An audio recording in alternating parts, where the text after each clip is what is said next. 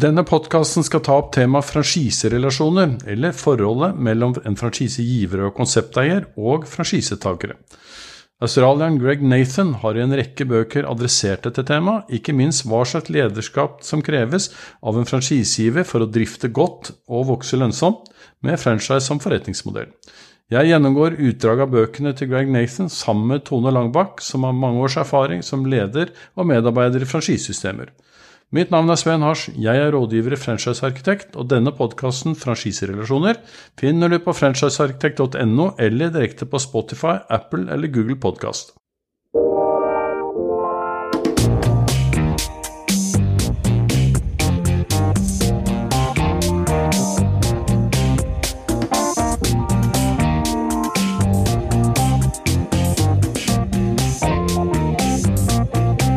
Velkommen til podkast om franchiserelasjoner. Med andre ord forholdene mellom franchisegiver og franchisetaker. Og Med meg i studio så har jeg Tone Lambakk, lang erfaring fra franchisedrift og franchiseledelse. Hei. Hei, hei. Har du det bra i dag? I dag har vi det bra, og gleder meg til å snakke mer om dette spennende feltet. Og det er jo, Temaet er jo franchising, og vi baserer oss på bokene, eller bøkene til Greg Nathan. Uh, han har bl.a. skrevet uh, 'Franchise E-Factor' og 'Franchise Relationships'. Den er oversatt, oversatt til norsk. Og uh, det han gjør, er at han systematiserer relasjonene mellom franchisegiver og taker i seks faser. Og I første episoden så snakket vi generelt om ledelse. Dvs. Si en forutsetning før man i hele tatt vurderer å gå inn i franchising. Og så snakket vi om gledesfasen, nemlig fasen hvor en franchisetaker går inn i et forhold og er overoptimistisk, i anførselstegn. Og hvor man er bevisst på at man må være nøktern og kritisk og hjelpe hverandre til å forstå hva dette kontraktforholdet egentlig går ut på. Vi må huske på at, og det går på dette med ledelse, at et franchiseforhold det er jo annerledes enn egeneid, fordi man må ta ansvar for et forhold hvor en part er uavhengig og selvstendig næringsdrivende. Dvs. Si at en franchisetaker investerer penger i et konsept, og du som franchisegiver og konsepteier skal forvalte den investeringen på en god måte, slik at begge parter er fornøyde. Og det vil si at man må drive lederskap og styring, kall det det, konstruktiv styring, på en helt annen måte. Eller i hvert fall være mer bevisst måte i forhold til hvem man har å gjøre med. Og Det er det man skal snakke om her i denne fase to, for da begynner det å bli litt mer kall det kritisk, bokstavelig talt. Den kaller Greg Nathan av avgiftsfasen, eller fee phase. Og Da ser man for seg at en franchisetaker har vært i et da, kontraktsforhold i tre til ni, tolv måneder, og begynner å bli litt mer bekymret. Og bekymret i den forstand at man var veldig optimistisk som man startet, og så møter man realitetene. Og hver måned så betaler man en franchiseavgift. Og det tror jeg nok for mange stikker litt. Og det vil si at det krever jo en franchisegiver hele tiden å gi påfyll av både informasjon, kunnskap, innovasjoner, slik at man hele tiden føler at man får i anførsel en verdi for pengene. Og franchisetakeren blir kritisk, han ser rundt seg, han snakker med andre. Eh, franchiseavgiften den tar en del av overskuddet mitt. Og han krever mer, kanskje mer opplæring, bedre kampanjer. Eh, og sier ja, men franchisegiveren, konseptet var ikke så bra. Og der står vi her. Kjenner du noe igjen av det, de trekkene der, Tone? Ja, og det er jo som du sier at spesielt om det ikke går så bra i starten, eh, så er det jo lett å peke fingeren utover istedenfor å se på hva kan jeg gjøre som driver av denne butikken eller stedet for å øke salget eller redusere kostnader osv. Og det er jo helt vanlig, da, dessverre for folk flest, å legge skylda på andre enn å be om hjelp og, og konkret samarbeid. Fordi man ønsker ikke å blottlegge seg og at man har problemer, selv om man egentlig gjør det uansett. Så skal man være den som klarer det, og legger da heller skylden på franchisegiver. Og det som er synd, er jo ofte at det kan jo også være snakk om at franchisegiver mangler ressurser. Sånn at de også står jo i et hjørne og, og skal prøve å komme ut av en, en situasjon som de ikke ønsker å, å, være i. Så det er frustrasjon da ofte på begge parter. Og det er jo aldri et bra utgangspunkt for et samarbeid. Så det vil si at det du sier, er at hvis, hvis man begynner med franchisegiver, da, hvis man er litt for ivrig med å starte opp altså du har et, Det kan jo være et etablert konsept, men det kan også være en gründer eh, som har en god idé, eller som har kanskje én en enhet, og som ikke ser helt perspektivet i å involvere en selvstendig næringsdrivende som kanskje bor et annet sted av landet. Og så skal du ha innkjøpsfunksjoner på plass, du skal ha en driftsapparat som følger opp, du skal ha en markedsføringsplattform. Eh, min erfaring er at det er mange som ikke helt ser det, og det er kanskje det du mener? Ja, det er et om det ikke er en stor organisasjon i form av mange mennesker, så er det ganske mange funksjoner som må fylles. Og ofte så er det kanskje én til tre mennesker eh, som går sammen og, og, prøver å starte denne franchise-master-franchisen. Og glemmer kanskje omfanget av den jobben som skal gjøres. Og så står man der da, og, og får krav fra franchisetaker eller takere. For ofte så er det jo vanlig at de da går sammen hvis det er flere. Uh, og det kan også være positivt. Men det vil si at uh, hvis man kommer en sånn kritisk tilbakemelding da, på et eller annet, så er det jo sannsynligvis helt menneskelig da, at man går i forsvarsposisjon og sier at hva, jeg? Det er jo, dette er jo mitt system, dette er, fungerer vel bra. Uh, er det, det er sannsynligvis en dårlig utgangspunkt. Ja, og det er jo også veldig naturlig, tenker jeg, fordi man har kanskje stått og jobba uh, morgen og kveld med sitt egen konsept, og man brenner for det, og man lever lever konseptet. Så det er klart at når da noen kommer og kritiserer, så er det jo ikke greit. Og da er det lett, som du sier, å gå rett eh, i, i, angrep tilbake.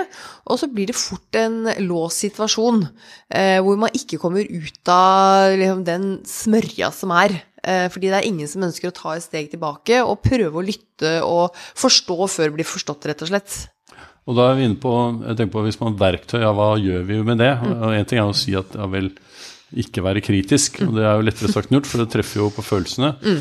Men der har vi et begrep som, som vi har jobbet med tidligere, som vi kaller undersøkende ledelse. Og det er sikkert mange andre som har brukt det òg. Men det, hva, går, hva, hva, går, det ut på? Det er jo det å klare faktisk å lene seg tilbake og være undrende på hva er det som skjer stille spørsmål og virkelig lytte på hva er det svaret som kommer, er. Og jo mer åpne spørsmål du klarer å stille, jo bedre er det.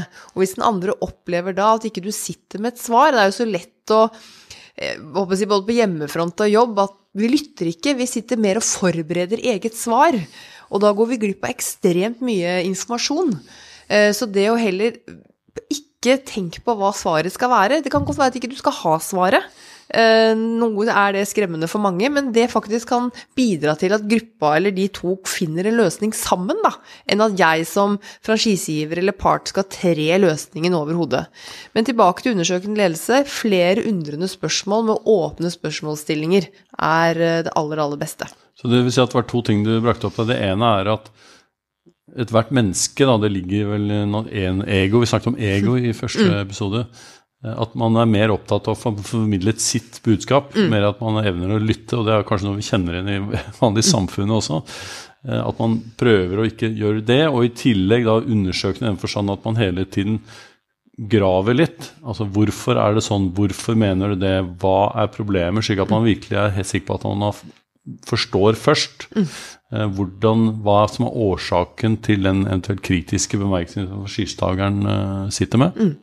Ja, og hvis du samtidig da klarer, og dette her er jo ja, det som eh, vi som ledere trener på, eller bør trene på hver dag, å klare å anerkjenne den andre for faktisk å komme med problemet. Anerkjenne den andre med å være tydelig, anerkjenne den andre på at vet du hva, ja, det er tøft, det ser jeg, det skjønner jeg jo mer man kan ha den innfallsvinkelen, jo lettere er det å få Å ja, da går litt lufta ut av den andre.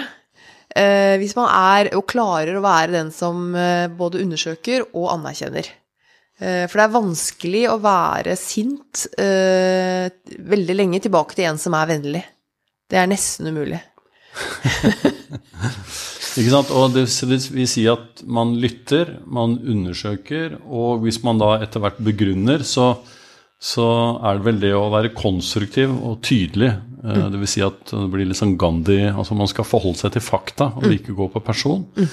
Uh, og så skal man ikke så mye ta orden på fakta og prøve å legge frem kall det faktabasert argumentasjon.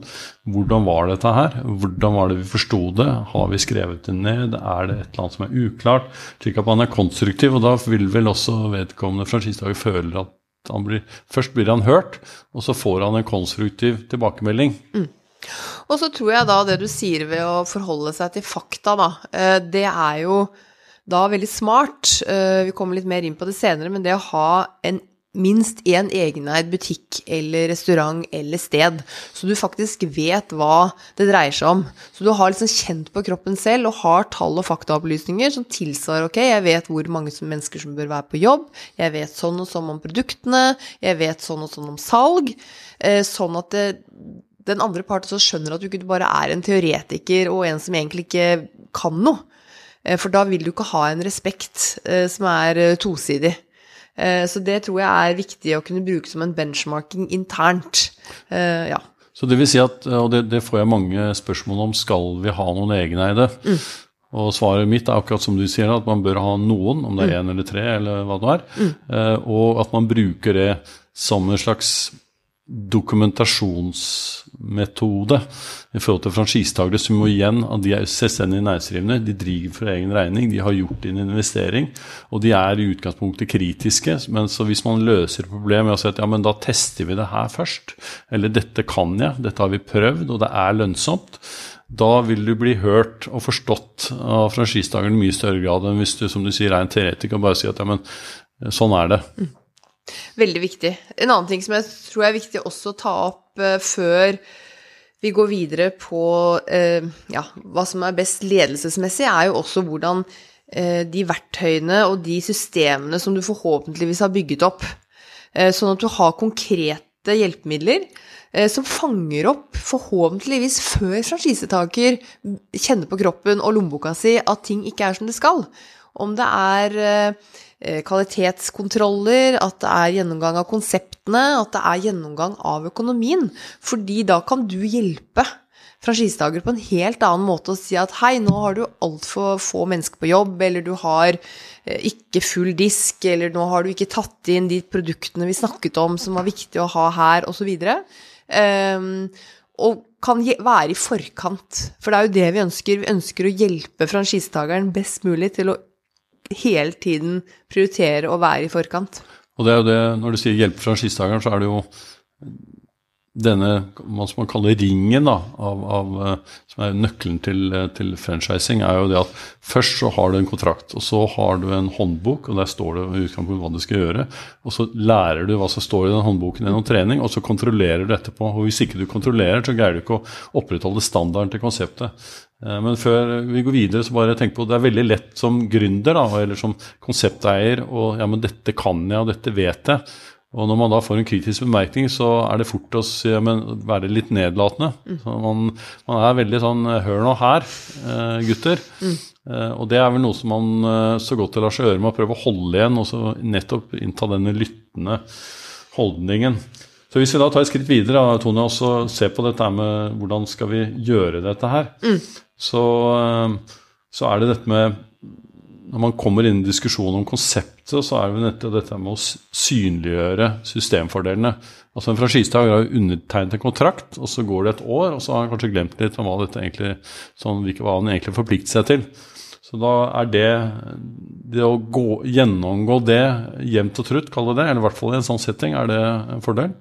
Absolutt. Eh, og det vil jo også gjøre at du kan få tilbakemeldinger på det du skal levere, om det er innkjøpsavtaler, marketing, eh, produktutvikling, det å på en måte være til stede i markedet hele tiden, gjør at du kan gjennomgå dette i jevnlige møter, enten én-til-én-samtaler eller i hvis man har kommet så langt at man har noen samlinger eller treff, eh, enten i Teams eller rundt et, eh, et bord.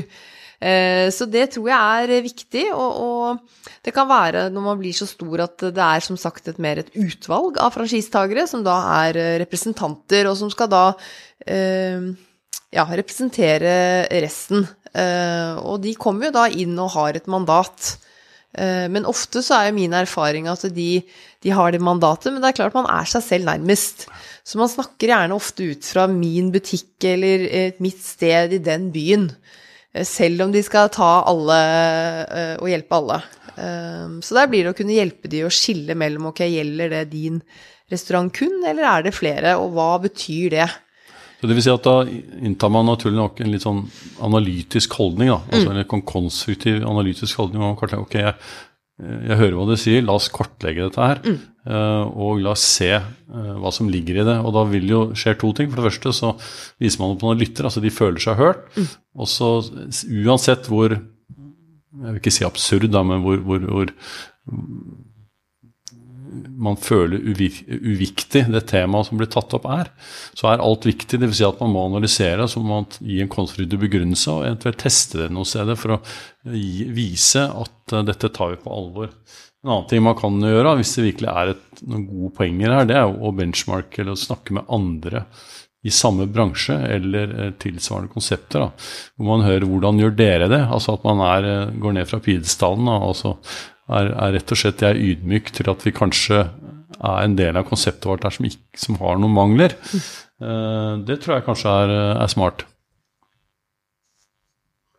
Um, I forhold til um, Du nevnte det med å gå gjennom systemfordelen. Jeg tror det har en tendens til at, at systemfordelene blir glemt. Dvs. Si at man, man, begynner konseptet, man driver en, en enhet et eller annet sted, og så blir man mer og mer opptatt av det er jo jeg som skaper resultatene her. Og så glemmer man egentlig litt av forpliktelsene til konseptet. Mm.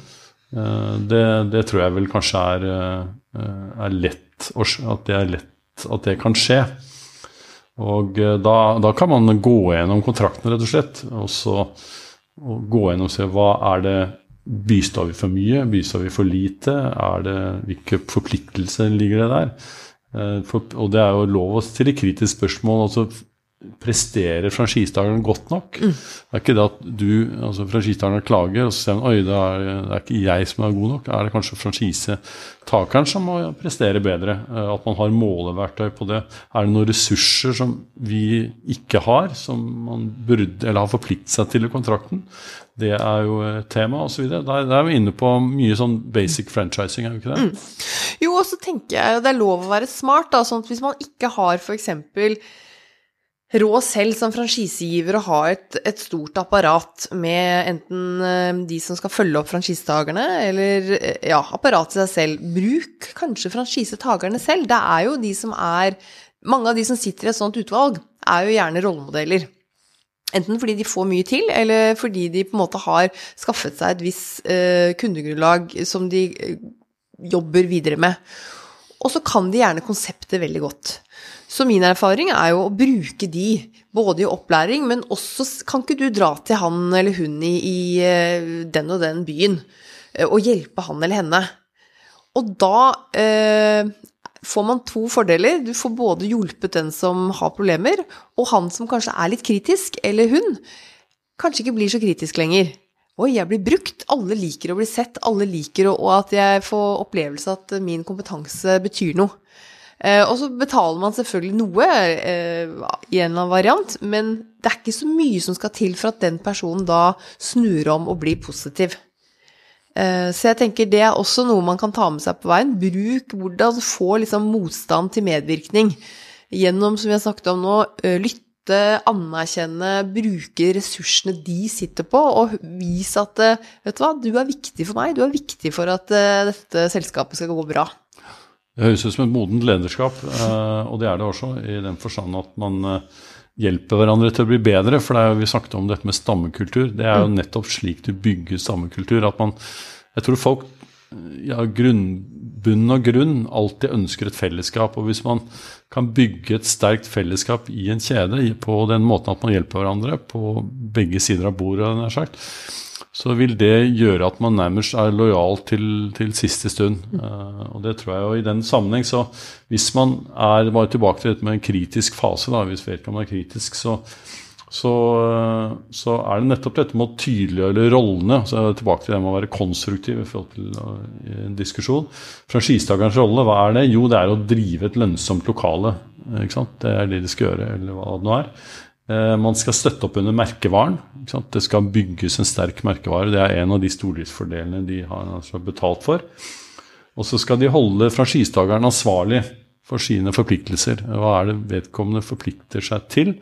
Og Derfor er det viktig i oppstarten for en franchisegiver da, å være klar over hva man egentlig forplikter seg til. Mm. Og hvilke ressurser må man gjøre, øh, investere i forkant. Og så har franchisetakeren også en del forpliktelser. Ja, eller, og hvis vi tar giveren først, da. ikke sant? Jo, hvis man klarer å sørge for sånn klart og positivt lederskap, eh, og at som franchisegiver så er jo min første oppgave å få franchisetaker til å nå målene sine. Det gjør at jeg også når målene mine som franchisegiver. Eh, og ikke minst det der å skulle beskytte da, den strategiske posisjonen som denne merkevaren man har skapt, har. Eh, og selvfølgelig det å overvåke standarder som er liksom basic for å ha et sterkt merkenavn, sånn at kundene, gjestene, opplever det samme uansett om de kommer til den byen eller den byen. Så det er ehm, det er noe med sånn Hvis man klarer å holde litt sånn enkelt, og holde liksom målet i sikte eh, Og jeg pleier å fortelle en liten eh, fortelling som også gjelder ledere, og det er Marit Breivik. Hun uh, hadde en av sine første uh, kamper, og sto som alle andre trenere på den tiden og skreik på sidelinjen til Gro, som sto i forsvar og ikke tok av armene eller ikke gjorde det de var enige om. Jeg vet ikke, jeg kan ikke håndball. Så går det skikkelig dårlig. Eh, de ligger langt under eh, og taper terreng. Eh, det er pause, og de går ut i garderoben. Da kommer Gro på siden av Marit Breivik, og så tar hun armen rundt Marit og sier du, du må gjerne fortsette å skrike, men det hjelper ikke. Og da har jo Marit, som er leder for selskapet Håndballen, to valg. Hun kan fortsette å skrike, det går kjempefint det, hvis hun tror at det er det som skal til for å nå målet sitt. I min verden er det usmart. Eh, det er mye bedre å spørre da, Gro, som hun gjorde, hva er det som da skal til? Hva er det du trenger av meg for at du skal nå vinne denne kampen? Og det er akkurat det samme som hvis du er leder. Jeg kan godt tvinge folk på min vei, men det går jo ikke. Du kommer ikke dit du skal. Så det er på en måte Klarer du som franchisegiver å huske eh, denne historien, eh, og legge lederskapet ditt rundt det, så tror jeg at du liksom tenker deg om noen ganger før du liksom tvinger folk til å gjøre akkurat det du vil. Jeg syns det var en helt strålende oppsummering av hovedpoenget i den eh, episoden her. Det er jo slik at og det, det, som er kommet frem eh, tror jeg, i den samtalen her nå, det er to ting. For det første så må ikke franchisegiveren undervurdere de kontraktsmessige forpliktelsene vedkommende har i forkant. Du må ha et eh, IT-plattform, du må ha et innkjøpssystem, du må ha en merkevarestrategi, du må tilby driftsoppfølging. Og Man investerer i det, og så når man da først går inn i en avtaleforhold, så må man være klar over at en franchisetaker er en selvstendig næringsdrivende. Han eller hun investerer penger i dette her, og man må respektere og lede de på en litt annen måte kanskje enn man eh, ville gjort Eh, i en egeneid, selv om den type lederskap hører hjemme begge steder, men i hvert fall i et franchiseforhold. Takk skal du ha for gode innspill, eh, Tone. Selv takk. Eh, for da runder vi av denne podkasten, så går vi inn i neste fase i neste episode og snakker videre om de utfordringer som dukker opp der. I denne podkasten tok vi opp temaet franchiserelasjoner. Dette kan du lese mer om i bøkene til Greg Nathan, bl.a. Franchise E-Factor og Franchise Relationships. Og Franchise E-Factor den finnes også i norsk oversettelse. Samtlige kan du enkelt bestille på nettet. Mitt navn er Sven Hasj. Jeg er rådgiver i Franchisearkitekt. Denne podkasten, og også podkaster hvor jeg har samtaler med ledere av store og kjente franchisekjeder, finner du på franchisearkitekt.no eller direkte på Spotify, Apple eller Google Podkast.